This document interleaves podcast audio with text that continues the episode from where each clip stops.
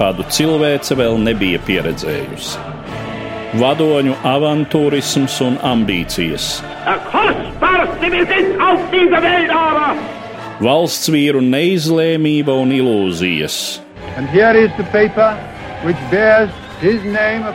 Arvien jaunas valstis ievilktas kara virpulī. United States of America was suddenly and deliberately attacked.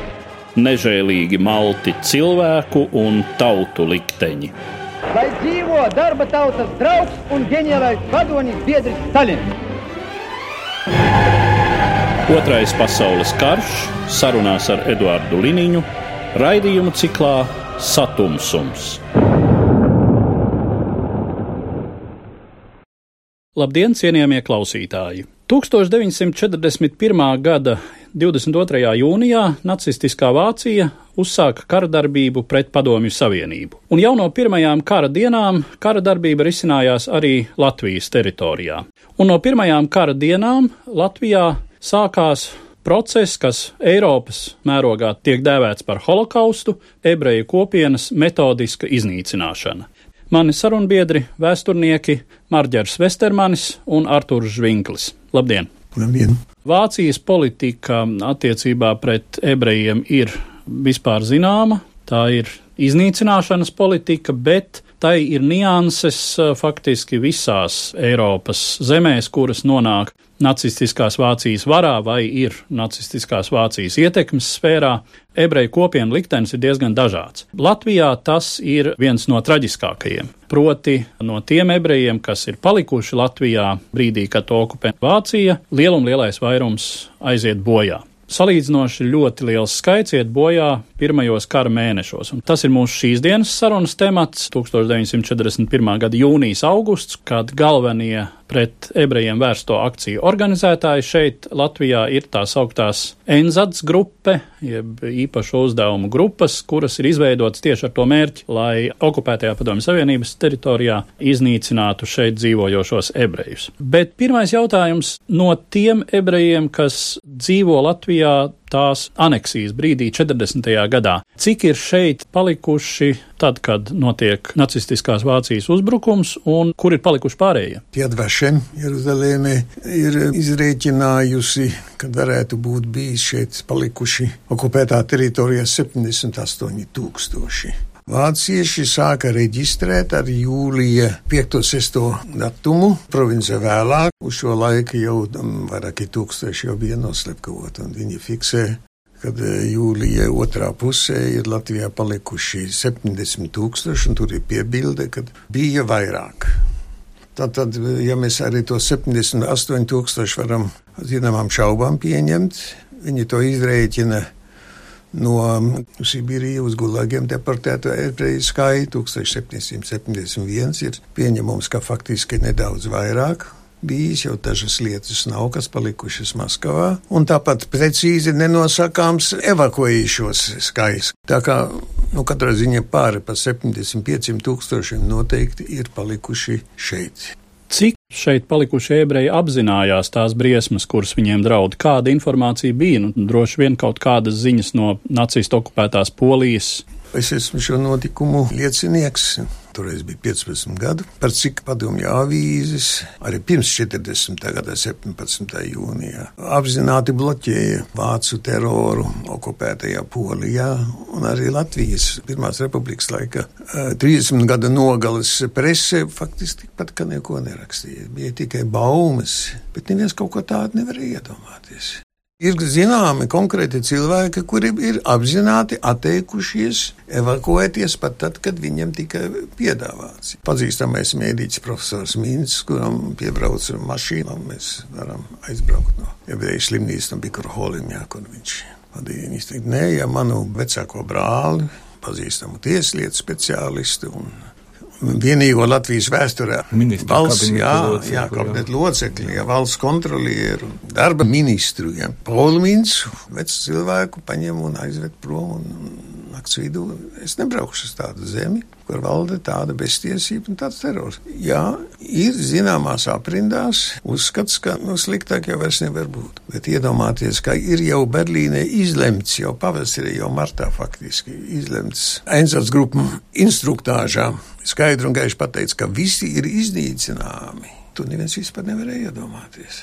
Runājot par plašākām Eiropas kopsakarībām, vispirms mēs varam teikt, ka patiešām ļoti daudziem Eiropā un pasaulē bija grūti noticēt, ka tāda kultūras tauta kā vācieši varētu uzsākt kaut ko tādu. Otrkārt, jāceras, ka tiešām vācu uh, varas iestāžu rīcība Austrum Eiropā pret ebrejiem izcēlās ar īpašu nežēlību katrā ziņā šajā posmā, jo tobrīd daudzi ebreji Nīderlandē, Dānijā pat vēl uzturējās savās dzīvesvietās, pat vēl nebija sadzīti geto. Tur uh, šīs akcijas iesākās tikai vēlāk, un gandrīz vai jāsaka, ka okupētā Polija un okupētā Padomju Savienības teritorija bija tie pirmie masveida ebreju iznīcināšanas poligoni. Tā tad jāskatās uz tiem iemesliem, kas ļāva vai kas pamudināja nacistus uh, šeit, austrumu telpā, izvērst šīs akcijas pirmām kārtām ar tādu spāru.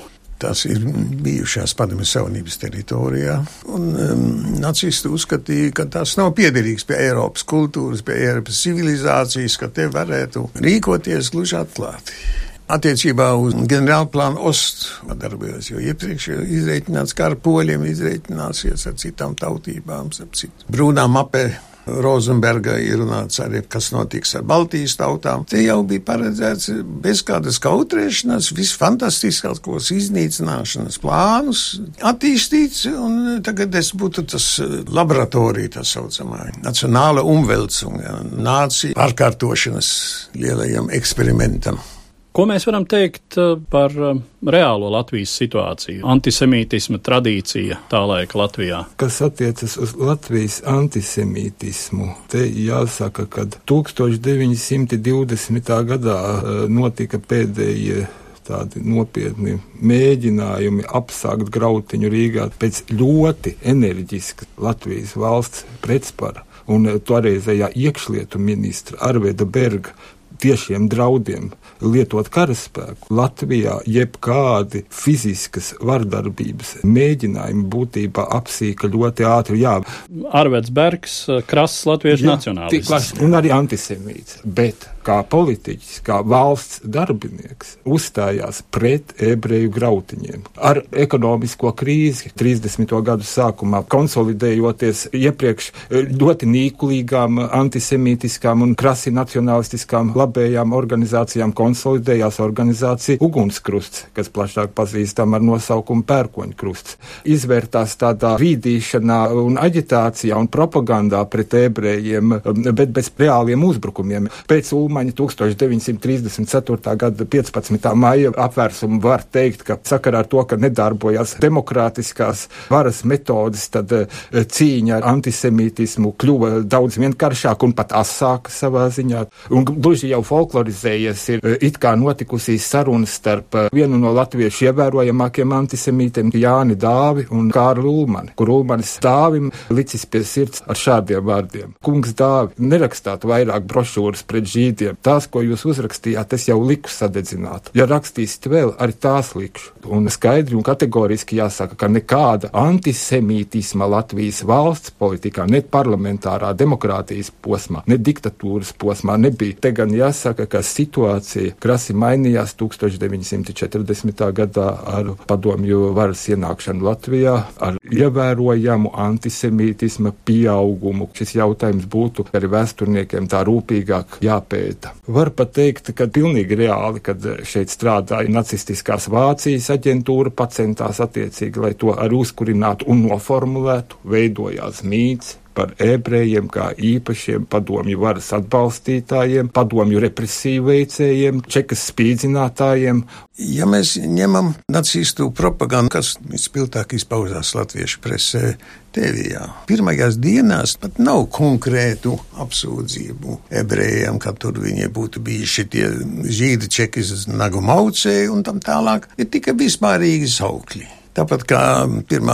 jūlijā Pirms vācu ienākšanas Valdemārs Vejs radiofonā uzrunā Rīgas iedzīvotājus un beidz savu runu - sitiet žīdus un čekistus it kā tie žīdi būtu reāls briesmas. Un es domāju, visai nozīmīgs dokuments ir Latviešu organizāciju pārstāvju sapulces rezolūcija 11. jūlijā 1941. gadā, ko sasauca bijušais Ulmaņa finansu ministrs Alfreds Valdmans nu, un pērkonkrusta līderis Gustavs Celmiņš. Nu, viņš jau, protams, jau nu, ļoti stipri ietekmē šīs galu rezultātā rezolūcijas saturu. Un, ja mēs skatāmies uz šo 11. jūlija pieņemto rezolūciju, apsveikumu Hitleram, kur ir formulēts arī lūgumi atstāt kaut kādu administratīvu, saimniecisku Latvijas patstāvības elementus.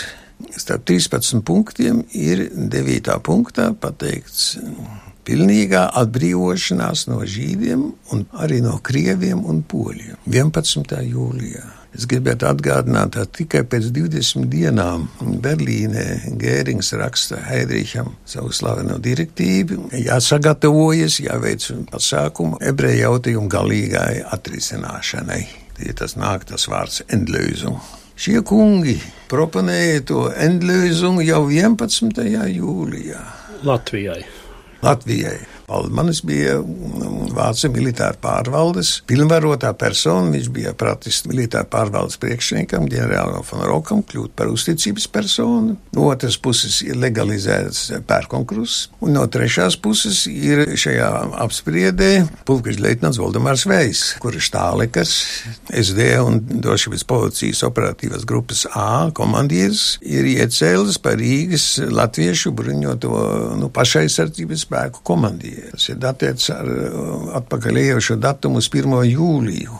Arī Veiskam ir pakļauti visi apbruņotie latviešu brīvprātīgie. Šajā apspriedē ir. Apspriedē piedalās vārdā nenosaukta pašattīrīšanas organizācijas pārstāvi, nu tā tālāk. Diemžēl tur piedalās pat arī baznīcas pārstāvi. Ja. Arķipīskaps Grīmbergs, Prāvis Bergs. Praktiskas nozīmes šajā rezolūcijā nekā, bet tā ir simptomātiska zināma elites aprindu noskaņojumu. Jā, te droši vien es piebilstu, ka šī dokumenta saturs rāda ne tikai Latvijas ebreju kopienas gaidāmo likteni, bet rāda arī latviešu elites likteni. Proti, latviešu elite, politiskā elite jau ir smagi retināta no staļiniskajām represijām, un šeit atklājas tas, kā šīs elites kvalitāte ir mazinājusies. Tās redzamākajiem, izcilākajiem pārstāvjiem jau atrodoties vai nu gulāga nometnēs, vai viņi jau ir gājuši bojā staļiniskajās represijās. Un tie pārstāvji kas nu kurā brīdī parādās, nav tie labākie no latviešu politiķu vidus.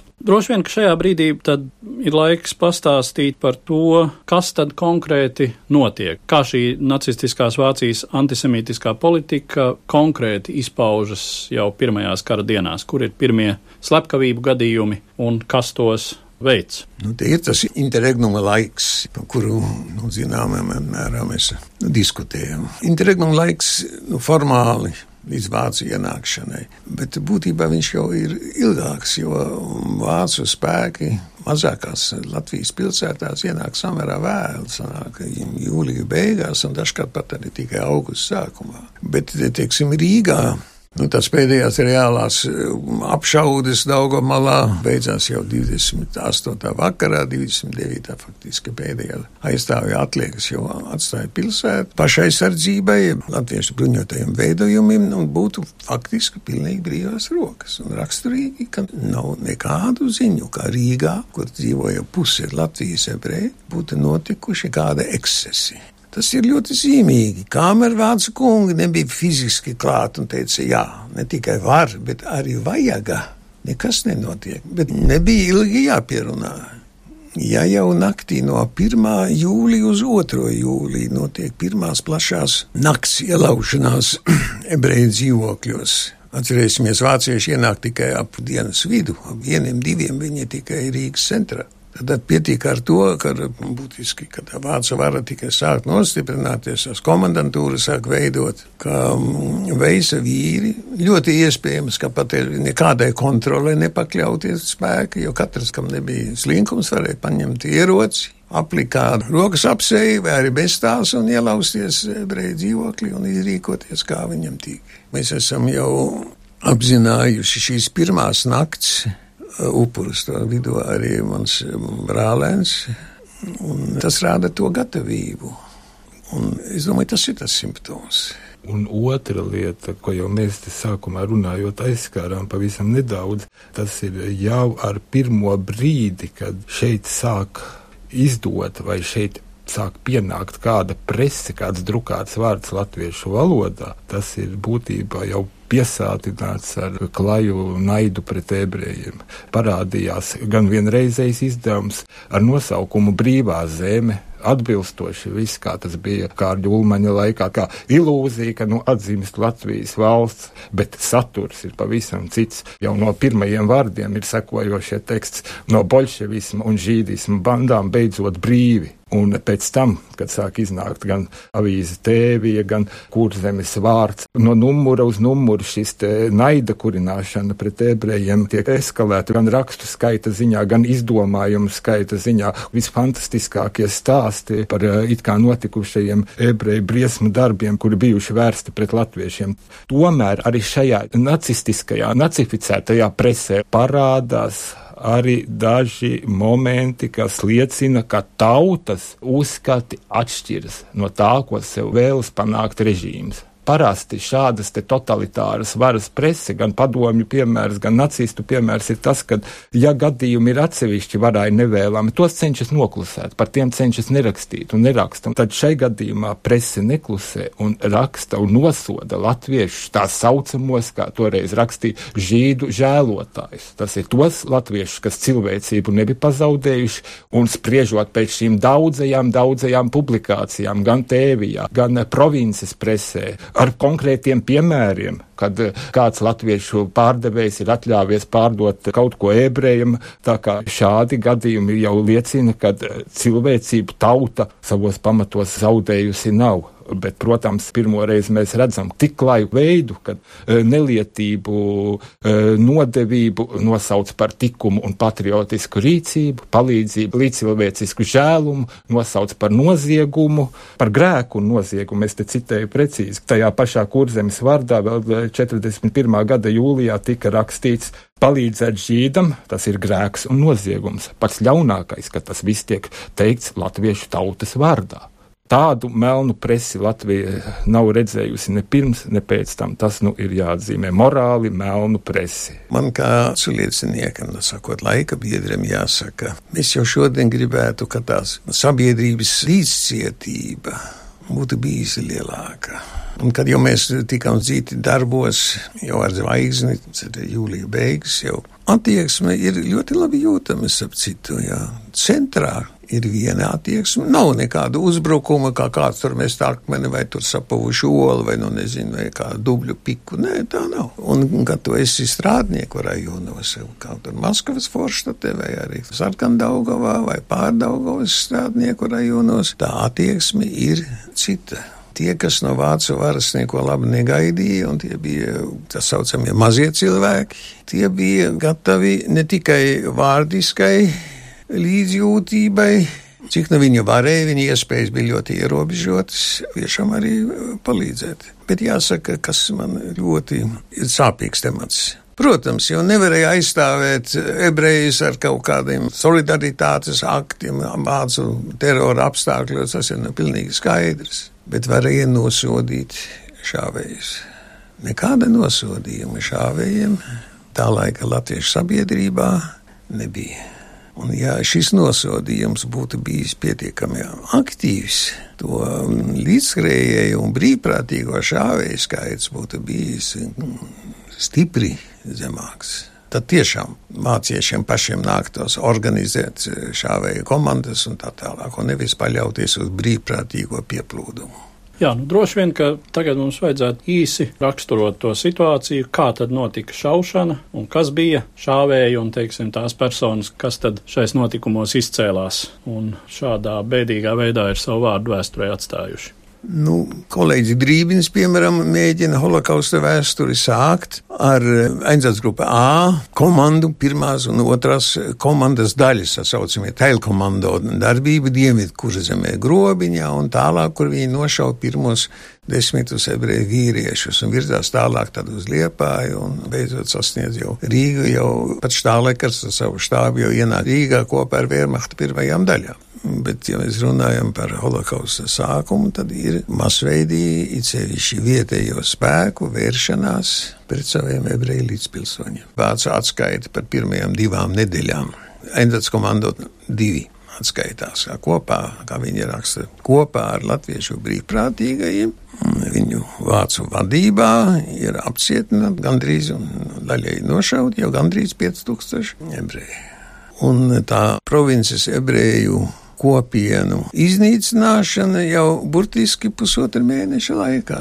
Arī Baltkrievijas daļa ietilpa Ostlandē, administratīvajā pārvaldes teritorijā. Tad tie paši likumi darbojās kā Latvijā, tā arī okupētajā Baltkrievijā. Tomēr tur, kur trūka šo brīvprātīgo formāciju, kas tālos laukos apcietinātu un nošautu ebreju, pašiem vāciešiem nācās, sakot, laukus attīrīt. Šī asiņainā attīrīšana bija jāiesaista samērā liela vērmachta spēki, nu, protams, SD formācijas un tā tālāk. Izšķirošais faktors bija, ka vis tālākos lauku nostūros, teiksim, Baltkrievijā neatradās tie brīvprātīgie. Šeit tomēr viņi bija. Jā, un diemžēl jāsaka, pirmkārt, pareizi ir vārds brīvprātīgie, jo šeit spaidu kārtā nevienu nemobilizēja un neiesauca. Šaušanā iesaistīšanās tiešām bija brīvprātīga par galveniem figurantiem. Figurantiem jā, šajā lietā tas ir bēdīgi slaveno arāju komandu, pēc Andrija Vezergaļa datiem. Kopējais šīs komandas noslapkavoto ebreju skaits bija vairāk nekā 26,000.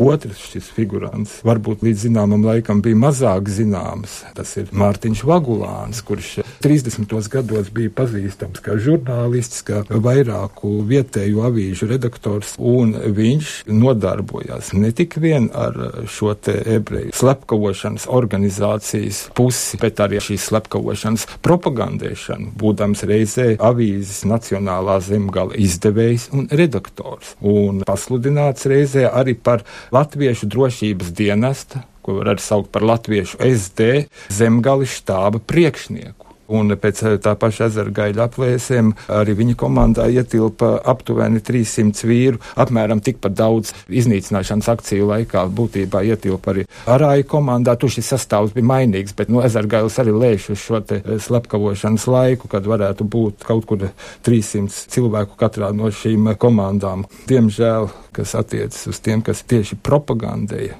naidu pret ebrejiem, jāpiemina arī Ādolfs Šildes vārds, jo e, viņš bija tieši tas, kas piedalījās aktīvi antisemītiskajā propagandā, publicējās pret ebrejiem vērstiem rakstiem avīzē Tēvija. Es atļaušos minēt vēl dažus uzvārdus. Nu, Latgalē Oskars Baltmans aiziet tik tālu, ka Daugavpils latviešu avīze pārmet atsevišķām latviešu pašvaldībām, kā viņi raksta, ka žīdiem vēl zied labību. Tas ir tulkojums no vācu valodas, un kuri paši rakstiski presē piedāvājas, ja tādā gadījumā vajag tikai izsaukt Baltmaņu vienību, un viņi to jautājumu atrisinās. Haralds Puntos no Maltas, ja, kurš vēlāk vispār jau atgalē rēdzēkne publiskā nošaušana, kad nošauja audriņiešus baznīcas priekšā 4. janvārī 42. gadā. Pēc Valdemara Veisēja jāmin arī Kārlis Lobe, kas jau pats savā vācu iestādēm domātajā autobiogrāfijā konkrēti norāda, ka operatīvās komandas divi Grauela uzdevumā viņš ir iztīrījis Ventspili, Ventspils novadu no ebrejiem. Nu, man nākās, diemžēl, minēt arī Daugavpils prefektu Robertu Blūzmani, kurš tiešām gan vācu vadībā organizē latviešu pašaizsardzības spēkus, bez kuriem ir vācieši, kuri tikai brīžiem uznāk iebrāžās Daugavpilī. Liepājā sākumā ir tikai vācu spēki.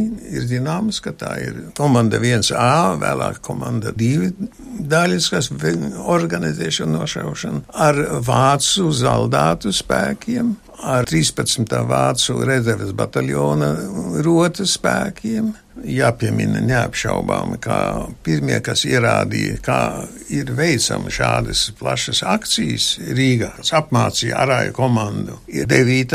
Vācu rezerves bataljona spēki, 11. Vācu rezerves bataljona spēki Te dažkārt notiek tādas, es teiktu, nezinātniskas diskusijas. Cik to šāvēji bijis? Nu, Ezergailis grib to šāvēju skaitu reducēt uz 500. Nu, pēc jaunākajiem pētījumiem, kas visi publicēti vēsturnieka komisijas rakstos, nu, tas neiet skaidrs, ka ir runa par tūkstošiem. Profesors Strānga ieciklējās uz diviem tūkstošiem. Vai tie, kas sadzen tos cilvēkus, aizdzen uz bedri, apsargā šo šaušanas vietu, lai tikai neviens nevarētu aizbēgt. Vai tie nav pieskaitāmi pie slepkavniekiem?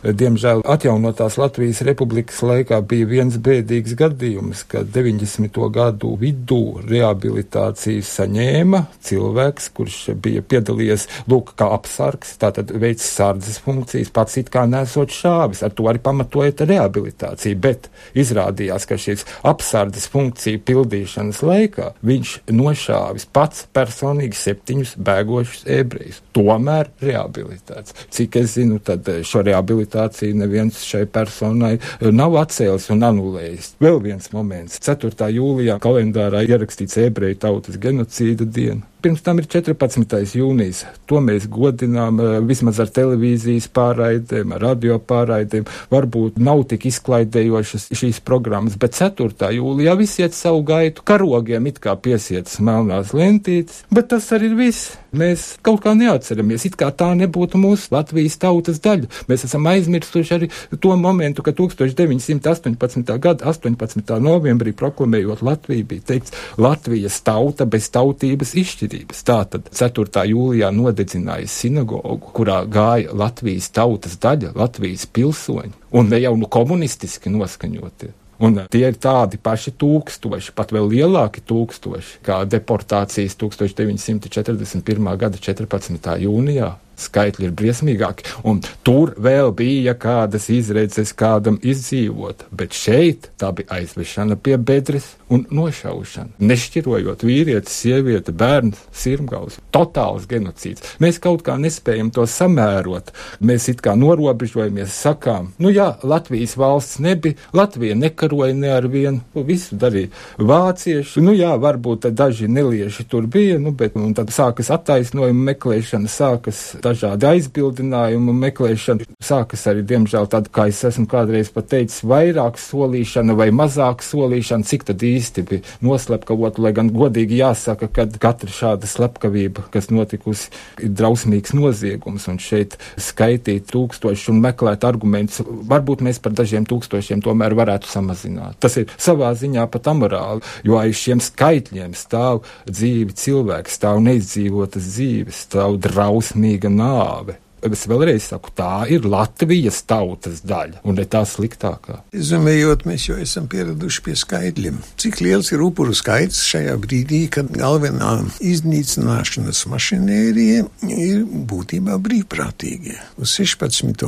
oktobri Štālekar savā atskaitē min 30 tūkstoši, kas būtu iznīcināti, un grautiņos pieļauju, ka varētu kopā ar Lietuvu varētu būt vēl 5000. Un iekšējiem dienestam domātā komentārā ir teikts, ka latviešu brīvprātīgie, kur organizāciju tad pieraksta sev šī operatīvā grupa, jo nu, atskaita jau jāizskatās labi, tad viņi ļaujuši vaļu viņu savērvētajiem, organizētajiem brīvprātīgiem. Uz viņu rēķina varot būt ap 5000 un pārējo tad būtu viņu tiešā režijā, bet ne ar viņu spēkiem. Tā ir puse Latvijā palikušo ebreju. Tas ir tas sāpīgākais periods holokaustā. Kad līdzpilsoņi ir iesaistīti šajos noziegumos, kuriem, es domāju, Latvijas vēsturē nav precedenta. Noslēdzot mūsu sarunu un rezumējot šo skumjo notikumu atskaiti, es tiešām arī gribētu akcentēt tieši šo momentu, ka joprojām mūsu sabiedrībā ebreju iznīcināšana tiek tādā populārā līmenī traktēta kā kaut kas tāds, kas uz latviešiem tā īsti neatiecas. Tie nebija mūsējie, un tie, kas to organizēja, arī nebija mūsējie, bet tas, kam būtu vieta mūsu nācijas apziņā un kas, es teiktu, to darītu veselīgāku, ir izpratne, ka visnotaļ tie bija mūsu līdzpilsoņi. Un šī līdzpilsoniskās solidaritātes momenta trūkums bieži vien, es domāju, joprojām ir izskaidrojums daudzām Latvijas likstām, ja mēs to skatām ļoti plašā kontekstā. Un šeit tas izpaužas visspilgtāk, kā smagāko līdzpilsoņu slepkavošanas situāciju Latvijas vēsturē vispār, mēs esam tendēti uztvert kā kaut ko, kas uz mums tā īsti neatiecas. Ar to būtu vērts domāt, šo 1941. gada vasaras notikumu sakarā. Ar to es gribētu beigt mūsu šodienas sarunu un saku paldies maniem sarunbiedriem, vēsturniekiem Arturam Žvinklim un Marģerim Vestermanim. Paldies! Paldies jums! Paldies! Raidījumā šīs dienas acīm cikls Satumsums - sarunas par Otro pasaules karu.